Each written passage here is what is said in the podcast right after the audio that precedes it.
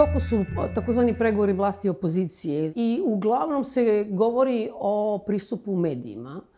Da ne kažem da već i do opozicije cvili na vratima RTS-a, pustite nas tamo, pustite nas tamo i tu počinje nekako i završavaju njihovi zahtevi.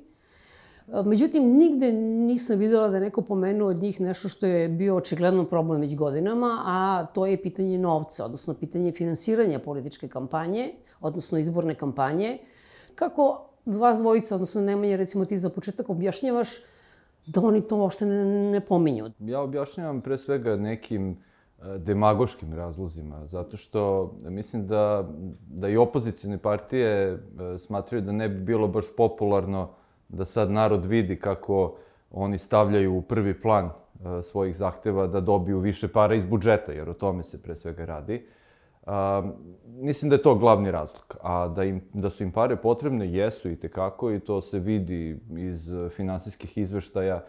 Mi smo ranije, tamo negde do 2012. 2014. imali izborne kampanje u kojima je koliko toliko ravnopravno sa značajnim novcem učestvovalo šest ili sedam partija, a sada praktično imamo samo jednu. Više ni SPS ne može da, da plati neku skupu kampanju, a kamoli opozicione stranke koje ne dobijaju više ni novac iz budžeta jer nisu u Skupštini. Prošle godine kada su bili dijalozi u kojima sam imao prilike da učestvujem tamo na Fakultetu političkih nauka, to jeste bila jedna od tema i bilo je nekih zahteva, pre svega u, pravcu ravnopravnije podele tog novca iz budžeta, ali su zanimljivo ti zahtevi uglavnom dolazili od nekih veoma malih stranaka ili manjinskih stranaka, ovaj, a ove veće su se i tada držale uglavnom priče o REM-u i obezbeđivanju medijskog prisustva. Na kraju krajeva, ajde da budemo pošteni skroz, te stvari jesu povezane. Da. Jer ako je neko, ako neko može da se e, pojavi na televiziji u informativnom programu, onda će mu trebati mnogo manje novca da plaća reklame da bi obezbedio neki neki drugi vid prisustva. Tako da i ova priča o medijima jeste na neki način priča o novcu, a pogotovo je priča o novcu ono što se dešava redovno pred svake izbore, ta funkcionerska kampanja koja vredi, jel da, mnogo više nego bilo koji plaćeni oglas i kada bi tu vlast bila ograničena, onda bi sasvim sigurno i uslovi uh, za nastupanje na izborima bili daleko ravnopravni. Pre nekoliko dana je objavljena vest kratka da je radna grupa vlade je li podnela predlog nacrta izmena i dopuna zakona o finansiranju uh, političkih aktivnosti, je li tako, ovoj kancelariji uh, za, kako se to zove? Odir. Odir, je tako je, jeste. Međutim, vi ste u CINS-u to objavili kao da je to, nemam pojma, neki nuklearni sporazum. Prvo, nije bilo neke simulacije javnog dijaloga na tu temu. Od toga se izgleda odustalo već. A s druge strane, zašto je to toliko bilo teško da dobijemo nacrt tog sporazuma? Pa ste vi morali to da objavljujete s razlogom kao neku ekskluzivnu stvar. Pa to i jeste možda najveći problem van toga sad šta sadrže te neke promene. To jeste najveći problem da mi u nekoj 2021. godini još uvek pričamo o tome da ne možemo da dođemo do do a, prosto nacrta izmena zakona, što je a, istina ono, stvarno neverovatno. Na više adresa smo zapravo slali ta neka pitanja i tražili da vidimo nacrt i niko nam nije dao. I ja stvarno ne razumem zbog čega je taj uh, nacrt toliko tajan. Mislim, čak ni same te izmene nisu nešto toliko sad strašne da bi se uh, da bi se to sakrivalo. Možda postoji sad tu nešto više kako da se to a, dobije neko pozitivno mišljenje od Odira, da bi to kasnije bilo lakše usvojeno ili šta god. Ali jednostavno, zbog toga je predstavljeno kao neki veliki ekskluzivitet. Pa mislim jeste ekskluziva, zato što nije, nije niko mogao da dođe. Ove, evo, ali, ali, nije, ni mi preko naših veza nismo mogli. Ali, ali je neverovatno da moraš za nacrt izmena zakona, da moraš da na taj način dolaziš da preko izvora, anonimnog izvora dođeš do tog nacrta, mislim, to je apsurdno. Da, pri čemu, jel da, imamo i zakon o državnoj upravi, poslovnik vlade, sve, svi nalažu da se otvori javna rasprava, ne samo o, o zakonu kao gotovom nacrtu, nego i o polaznim osnovama kad su neke značajne izmene u pitanju. Ma ništa, to, to ništa ne fermaju. Ovo što je vlada rekao, mislim, verovatno je razlog e, to da dobiju pozitivno mišljenje od Odira i posle ih baš briga šta ćemo mi ovde da, Da. da kažemo, komentarišemo, kao ista priča kao sa ovim uh, ustavom, jel da, i pre par godina što su dobili neki papir od Venecijanske komisije i sada da li će nešto moći da se promeni, jako teško ako, ako jednom ovaj, uh, vlast uh, dobije odobrenje odobrenje ovaj, sa strane. A mislim i ovaj tekst koji, koji ste vi dobili je na engleskom, za početak, Da, tako? da, da. Pa To dobro, je- nisam hteo da otkrivam nešto, mnogo detalja. Aha, dobro, da, onda- Mislim, nije, nije, nije toliko strašno. U suštini, da, na engleskom je... To je jedan manir, a to je da nas navikavaju i nemoj ništa da piti što se tebe ne tiče. Pazi, ovde se ne zna čak ni ko je, ko je ovo u stvari napravio. Ovaj, zato što ovaj, u Tanjugovoj vesti kaže radna grupa vlade Srbije poslala Odiru. I stvarno postoji jedna radna grupa vlade koja se bavi svim tim izbornim zakonima. I tu je prošli put kad su bili ovi dijalozi bio Nebojša Stefanović na čelu. Sada, ja ne znam, ne verujem Pa da je... spominje se da je Ko je zapravo sada, glavni čovjek iza toga ovaj što je bio u Riku. Kako se- Đurđević, profesor, Da, da. Što, što me ne bi čudilo jer je on u suštini neko ko je zadužen u SNS-u, čini mi se, za te neke izborne generalne. Pa da, ali formalno gledano Da, da, zakone pripremaju ministarstva. Znači, trebalo bi, na primjer, ministarstvo financija, ali nije, nije ministarstvo, nego, kaže, radna grupa vlade. Znači, mi čak ne znamo ni ko je u stvari pisao. Koliko je kampanja skupa? Vi ste pravili neka zanimljiva poređenja sa Češkom, recimo. To je vrlo, vrlo zanimljivo. To nam daje nekakve uh, repere. I to ste ti skretno pažnju na to da smo se mi kao javnost često hvatili za neke detalje. Da li je neki privatnik dao, ne znam, 10.000 evra i tako dalje, a da je to zapravo, da su oni finansirali iz budžeta. To jeste naša glavna teza, da bez obzira na ono što piše u finansijskim izveštajima i na neke statistike koje, recimo, objavi Agencija za sprečavanje korupcije, a, na osnovu tih izveštaja partija, a, u suštini se izborna kampanja gotovo u celosti finansira iz budžeta. E sad kako? E, na primjer, ovaj, sad na ovim poslednjim izborima parlamentarnim oko 60% novca je prijavljeno da je došlo iz budžeta i to je ono što je iz budžeta namenski opredeljeno za kampanju. Međutim, onda sledeći izvor uh, prihoda uh, su takozvana sobstvena sredstva političkih stranaka. Šta su njihova sobstvena sredstva? Pa opet novac koji su dobili iz budžeta, ali za drugu namenu, za finansiranje redovnog rada po osnovu zastupljenosti u parlamentu. I onda sledeći uh, izvor prihoda su krediti. A šta znači kredit? Kredit je nešto što će opet da bude vraćeno od nekog drugog novca, a taj drugi novac je uh, ono što će partije koje su ušle u Skupštinu dobiti iz budžeta u budućnosti. I postoji jedan vrlo mali deo prihoda koji dolazi uh, od uh, priloga fizičkih ili pravnih lica. I sada u tom vrlo malom delu prihoda koji dolaze od e, fizičkih ili pravnih lica se opet nalaze tu na spiskovima, kad se pogledaju spiskovi, neki ljudi koji su e, odbornici, neki funkcioneri stranke, koji dobijaju neku, koji su već na budžetu po drugom osnovu, pa praktično deo, deo svojih prihoda vraćaju stranci, ako je sve legalno, a ako je nelegalno kao u onim kao što se sumnje, u stvari, da budemo korektni, u onim slučajevima nekoliko hiljada donacija, jel da, za SNS na ranijim izborima, ne sada, nego tamo izborima 2000, kad 17. 16. 14. 12. Prijeva, 14. je bio. Da, Znači, u nekoliko navrata, e, ovaj, tu se sumnja u stvari da je to novac i koji je došao iz nekih uh, crnih fondova. Šta su crni fondovi? Opet možda nešto što je bilo u budžetu pa je vraćeno jel da, ali ne u budžet, nego, nego ovaj, partijskim poverenicima. Tako da, mi u stvari kad govorimo o finansiranju kampanje u Srbiji, ne govorimo o istoj stvari o kojoj govore, ne znam, Amerikanci ili, ili ne znam, ili ljudi u drugim, bro, i u evropskim brojnim državama gde, gde postoji snažan upliv privatnog kapitala u izbornu kampanju radi kupovine uticaja, Kod nas i kada dolazi neki privatni kapital, e, dolazi e, zato što su reketirani, pa, pa moraju da daju nešto ovaj, strankama na vlasti. Vrlo redko kada mi zaista govorimo ovde o, o tome da, da, da se ulaže jel da, novac, da se investira u, u, u, ovaj, u kupovinu tog političkog uticaja, pogotovo sada je to tržište veoma ograničeno, jer nekada je bilo više stranaka jel da, koje su mogle da ovaj, budu atraktivne finansijerima iz tih razloga, a sada praktično ima, imamo samo jednu stranku uz još par nekih ovaj, izuzetaka na lokalnom nivou samo jednu stranku koja donosi sve ključne, ključne odluke. Tako da problem je taj što novac dolazi iz budžeta, novac se ne deli ravnomerno iz budžeta, to je povezano sad sa, ovim, sa izborima naročito.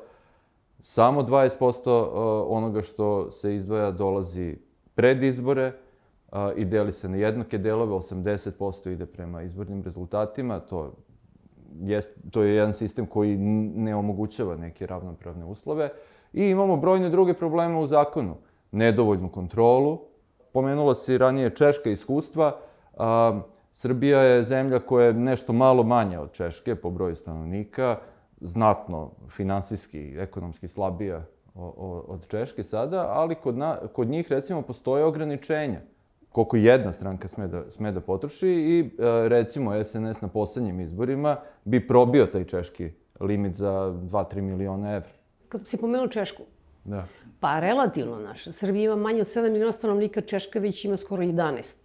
Je tako? Da, pa tako je, 10 miliona i 600 i nešto hiljada. S druge strane, imaju duplo veći, bukvalno gledala, prosečni da. prihode, odnosno prosečna plata im je duplo veća nego u Srbiji. I koliko sam ja videla, njima je tamo bio negdje limit, vi ste pominjali 4,5 miliona, miliona da. a ovi su potrošili 5,8 miliona. Tako je, pa da. Ja, Sa, da samo na po... Tako da, da je ta nesrazmer, ako bismo uvodili limit u Srbiji, on bi trebalo svakako da bude manje od tih 4,5 miliona. Ali, kao i kod svakog ograničenja, e, ne vredi limit ako neće biti adekvatne kontrole. I tu dolazimo opet do nekih drugih pitanja koje su Česi regulisali, a mi nismo. Šta se dešava kada, finan, kada kampanju finansira ne stranka, nego neko treće lice?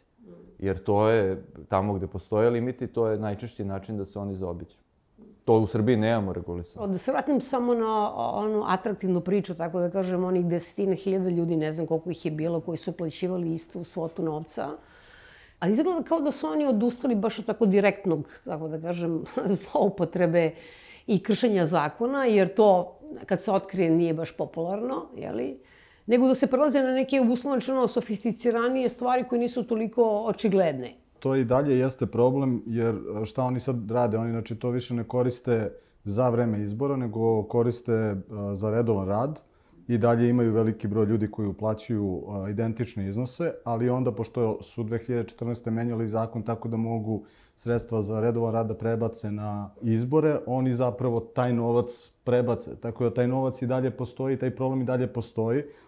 I složio bih se zapravo sa Nemanjom da je tu zapravo najveći problem kontrola.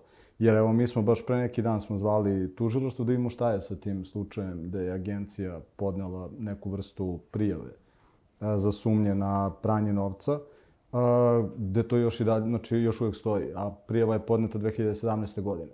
Znači još par godina će verovatno možda se razlači i da to uh, zastari, gde je tužilaštvo, naravno, idemo stalno onaj ping-pong između tužilaštva i policije, gde tužilaštvo uh, kaže da uh, policija, oni su naložili policiji nešto da uradi, policija to ne radi i sad to tako traje Dakle, kontrola je najveći, najveći problem i mi možemo da donesemo, čini mi se, super i neka zakonska rešenja.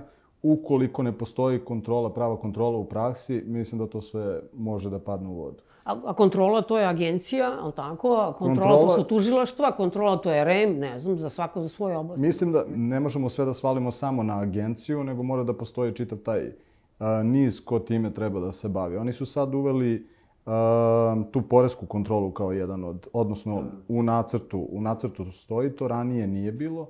U suštini, um, i to što agencija može da radi, ona sve slabije radi. Mi nemamo već godinama uh, ni jedan neki jak slučaj da je izašao iz agencije. Poslednji je bio zapravo to, 40 po 40 hiljada. Uh, pre toga smo imali, znači, ne samo u sektoru finansiranja, nego i e, sukoba interesa i imovine i prihoda. Imali smo i tetku iz Kanade i Sinišu Malog i znači to finansiranje, ali evo sad nemamo već godinama ništa tako jako, čak se ti neki izveštaji o, monitoringu koji bi trebalo da se izbacuju posle izbora dosta um, kasno na kraju izbace i dosta su šturi nego što su bili, nego što su bili ranije. Što opet ne bi trebalo se iznenadi jer je direktor agencije uh, čovek koji je zapravo bio donator uh, Srpske napredne stranke. Šta tu može da se uradi? ovaj, kad nema u zakonu direktno propisane obaveze kako se vrši kontrola, kada mora da se obavi, šta sve mora da obuhvati, onda je lako svakome da kaže, pa, na primjer, i agenciji, kaže, mi smo uradili kontrolu onako kako smo mi mislili da treba i sad, šta se, to je to. A, međutim, ako je tako i ako mi nismo zadovoljni kako se ta kontrola radi, a već se menja zakon, e, to je onda dobra prilika da se precizira šta sve mora da se proveri, u kom roku, u kom roku moraju da se pokrenu postupci. Ali glavno je pitanje šta će sve da bude kontrolisano.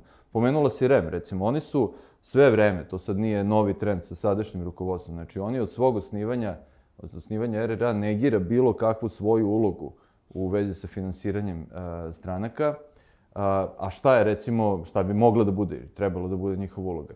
Kaže se tamo, dok su donosili ono obavezujuće uputstvo ranije, da mora da se obezbedi oglašavanje svim učesnicima pod istim tehničkim i finansijskim uslovima. Šta su tehnički uslovi? Ono, da one reglere, jel, da ne podižu, ne spuštaju i tako dalje i tome slično, a finansijski uslovi da cena te sekunde u jednom terminu uvek bude ista, jel tako? Ili da bude bazirana na nekim javno objavljenim popustima. Međutim, nema toga, nema nikakve kontrole. Nema nikakve kontrole da li ovaj, REM time ne želi da se bavi, a, a agencija, kada ovaj, se, kad se govori o monitoringu medija, e, oni se oslanjaju na podatke od REM. I super. Ja sam pisao, mislim, za Cinzolovku, tad nisam pisao to za Cins.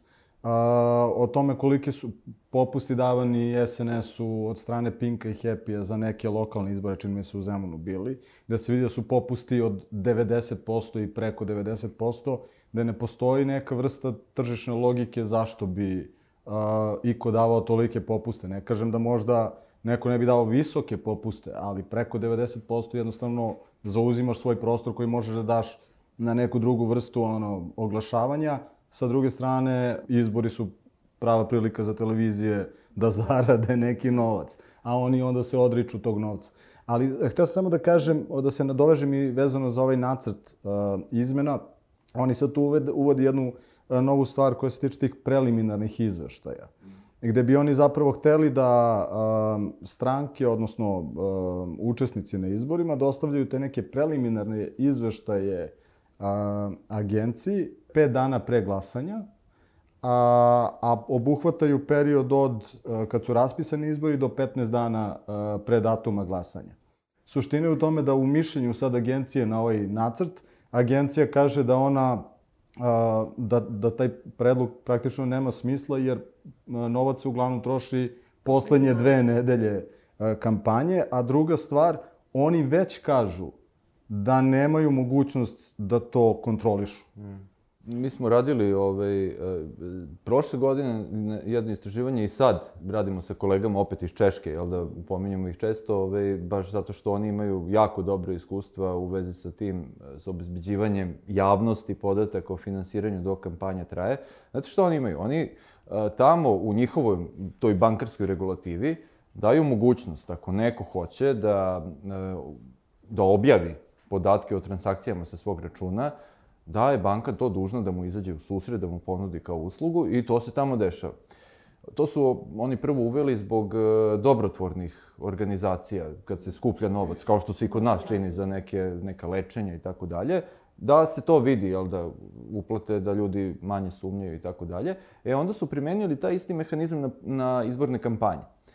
I ovaj, tamo je to ušlo u zakon i... Ovaj, kad... Izvini, šta to znači? Da ja mogu da uđem i da vidim svakog dana koliko je SNS potrošio para i na šta tog dana svaka, platio? Svaka, jeste. Svaka partija, ovaj, kad svaka, je izborna naravno. kampanja, uh, odakle su im došli, došao novac, ko je uplatio i, na što, i kome su platili. Sad, ne vidiš možda da li su kupili, ne znam, super ili dizel na, na pumpi, ali, ali vidi, se, vidi se suma da su potrošili jel da, na, na, na neko gorivo, jel da, ili na plaćanje spotova određenoj televiziji ili billboard i tako dalje. I to je nešto što je najefikasnije, a sasvim je moguće da se uvede u Srbiji, zato što kod nas već u zakonu decenijama postoji obaveza da se sav novac e, za kampanju prikupi na jedan račun i da se sva plaćanja vrše sa tog računa. Nema plaćanja u kešu.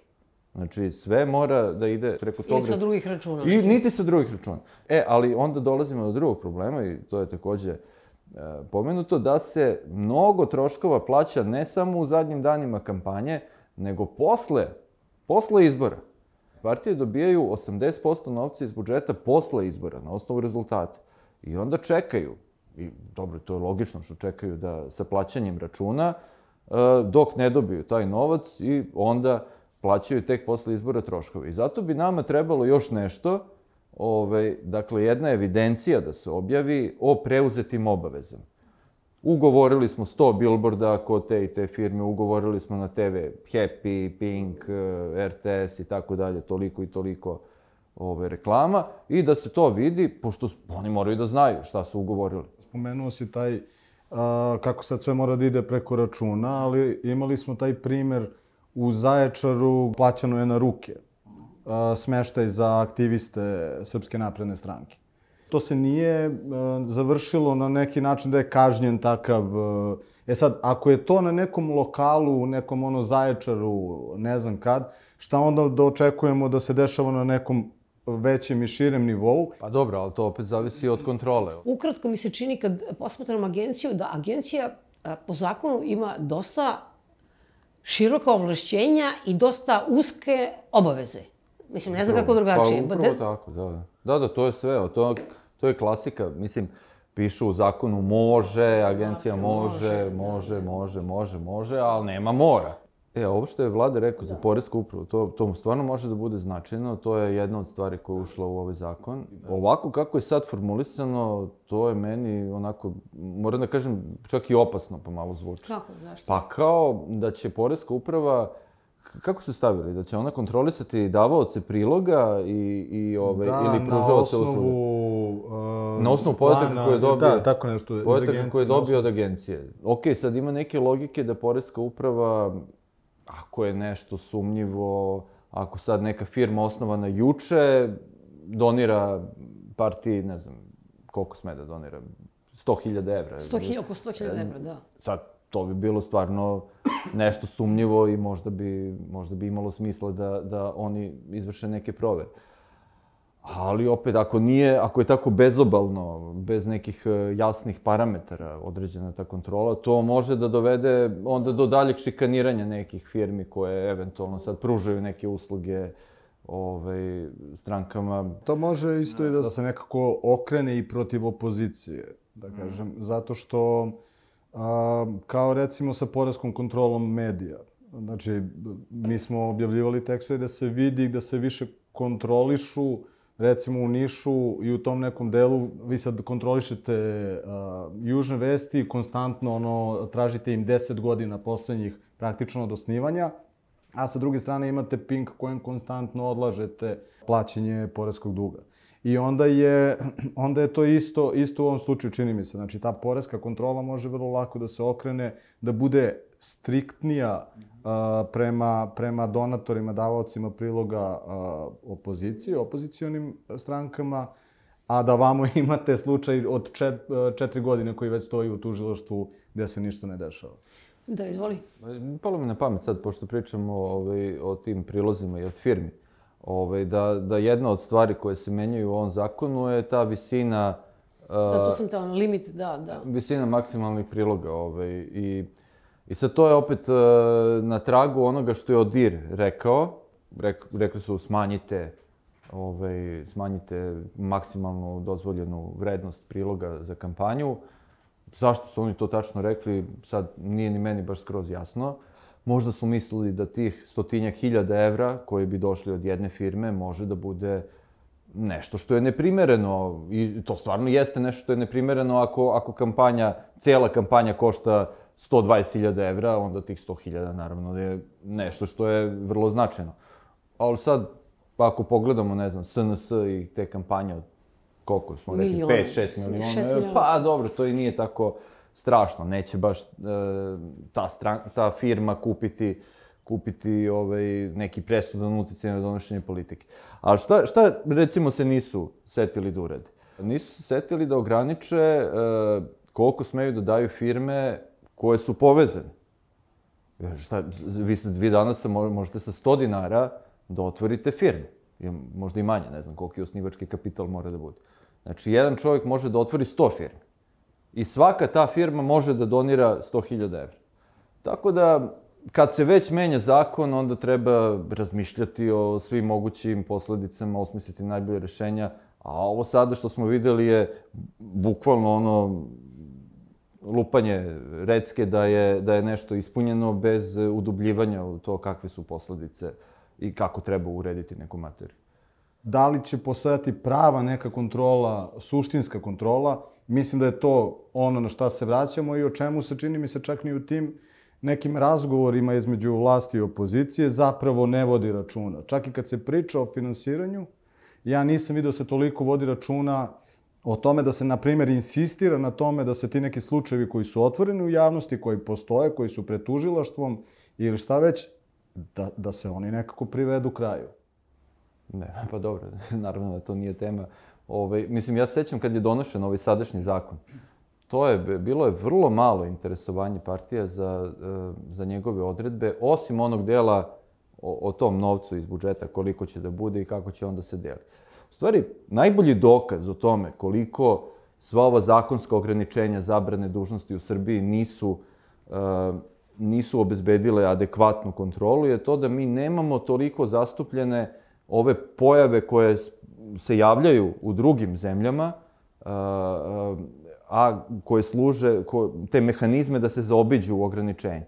Ovo što sam pomenuo ranije, finansiranje kampanje od trećih lica. U finansijskom smislu, A šta bi, ne, a šta bi to bilo konkretno, recimo, na primjeru nekom? Pa, ajde, recimo ovako, znači sada stranka hoće da se reklamira na televiziji i sada, umesto da sama to plati, uh, zapravo, umesto da, do, da uzme novac od svog finansijera koji želi da ostane skriven, umesto da taj finansijer uplati nešto stranci, taj finansijer uplati direktno mediju ili, još bolje, ne uplati direktno mediju, nego uplati posredničkoj marketinškoj agenciji, uh, kao da reklamira, na primjer, svoje lupam deterđente ili šta god drugo da pravi, a u stvari tu plati i nešto što će otići na, za oglašavanje stranke. To je, recimo, to je, to je skrivena, skrivena ovaj, e, kampanja od strane trećeg lica, a može da bude i neskrivena. Može da bude, recimo, nešto što mi nemamo u Srbiji, a što postoji opet po drugim zemljama,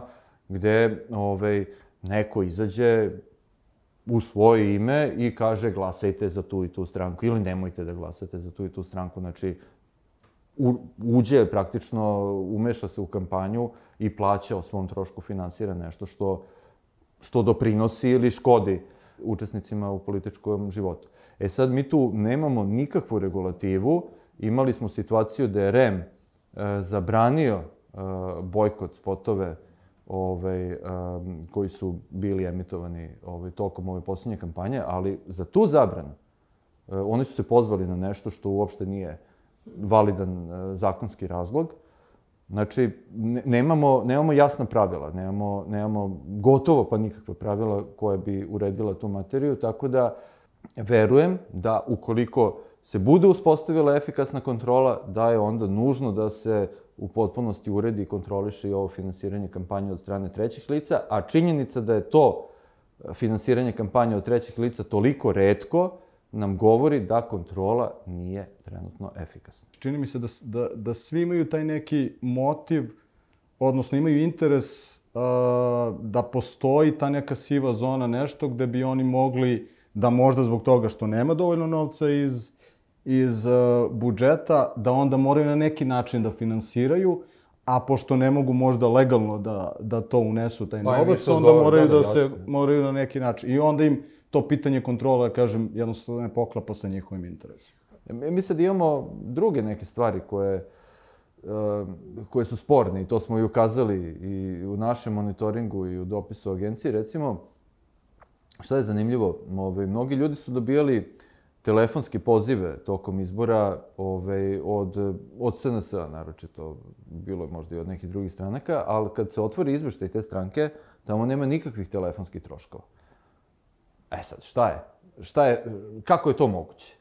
Znači, to je nešto što bi bilo logično da je agencija ispitala u kontroli. Izvinite, kako ste vi finansirali Mislim, možda postoji čak i neko razumno objašnjenje, ali nema objašnjenja. Nema ko da ih pita. Nema objašnjenja, nije, ne vidimo da je to pitano. Ili recimo, imamo nekoliko stranaka ove, koje su imale ove, Facebook oglašavanje, a koje nisu navele to u svojim izveštajima. Sad, tu opet postoji začkoljica, ne postoji posebna rubrika za društvene mreže, onaj obrazac je malo zastareo, ali ko je hteo da navede, imao je priliku i to, to su učinili.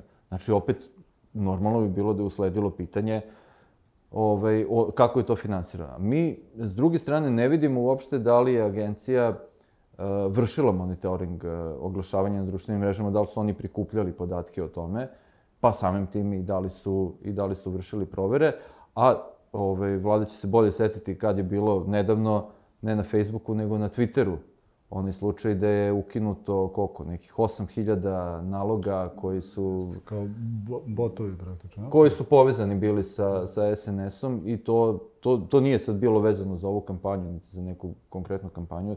Taj slučaj takođe nije ispitivan. Ove, ovaj, mi smo objavili, naravno, odmah reakciju na to, a onda su novinari išli kod direktora agencije da ga pitaju kada će agencija to da proveri. On je rekao da hoće, ali da prioritet ima zaštita zdravlja, zaštita zdravlja zaposlenih. To je bilo baš ono kad je korona počela i evo sada prođe i vakcinacija, ali nismo još videli uh, da li ima nekih rezultata, da li se vršila ta kontrola.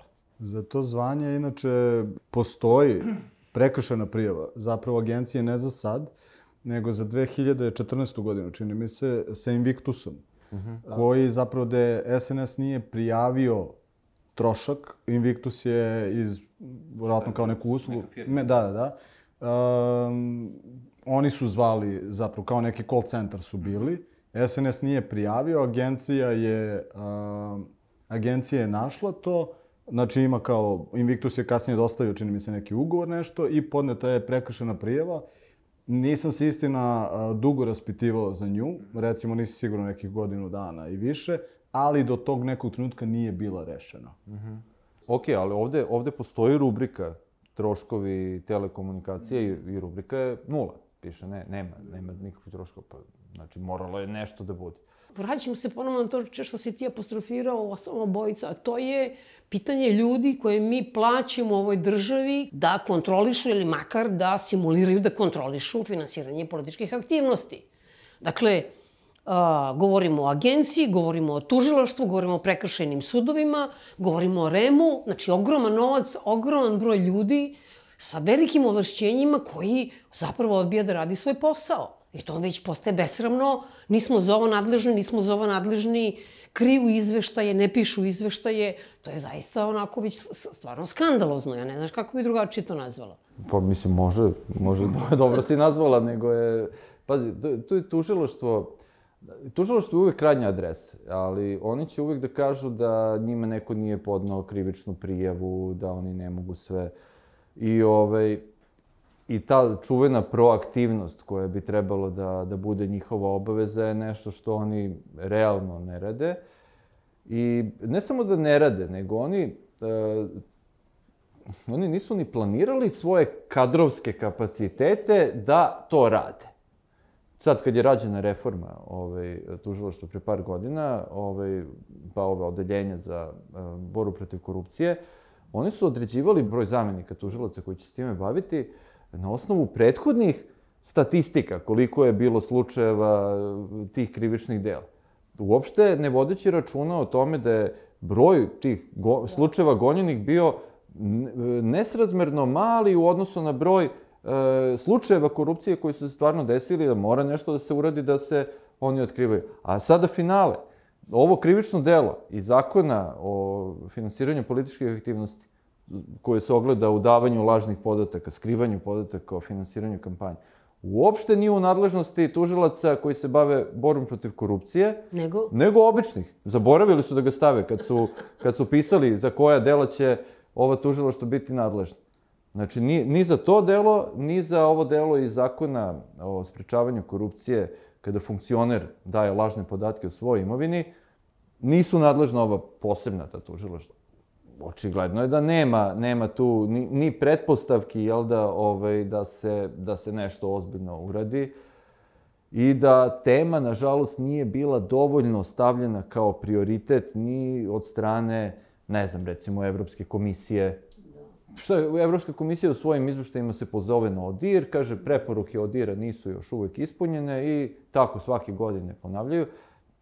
Znači, mnogo konkretnije, mnogo konkretnije stvari bi morale da se predvide u ovim rešenjima, a hoće li imati ko da ih izgura, teško za sada, za sada vidimo da, da nema dovoljno volja, a da postoji potreba, postoji.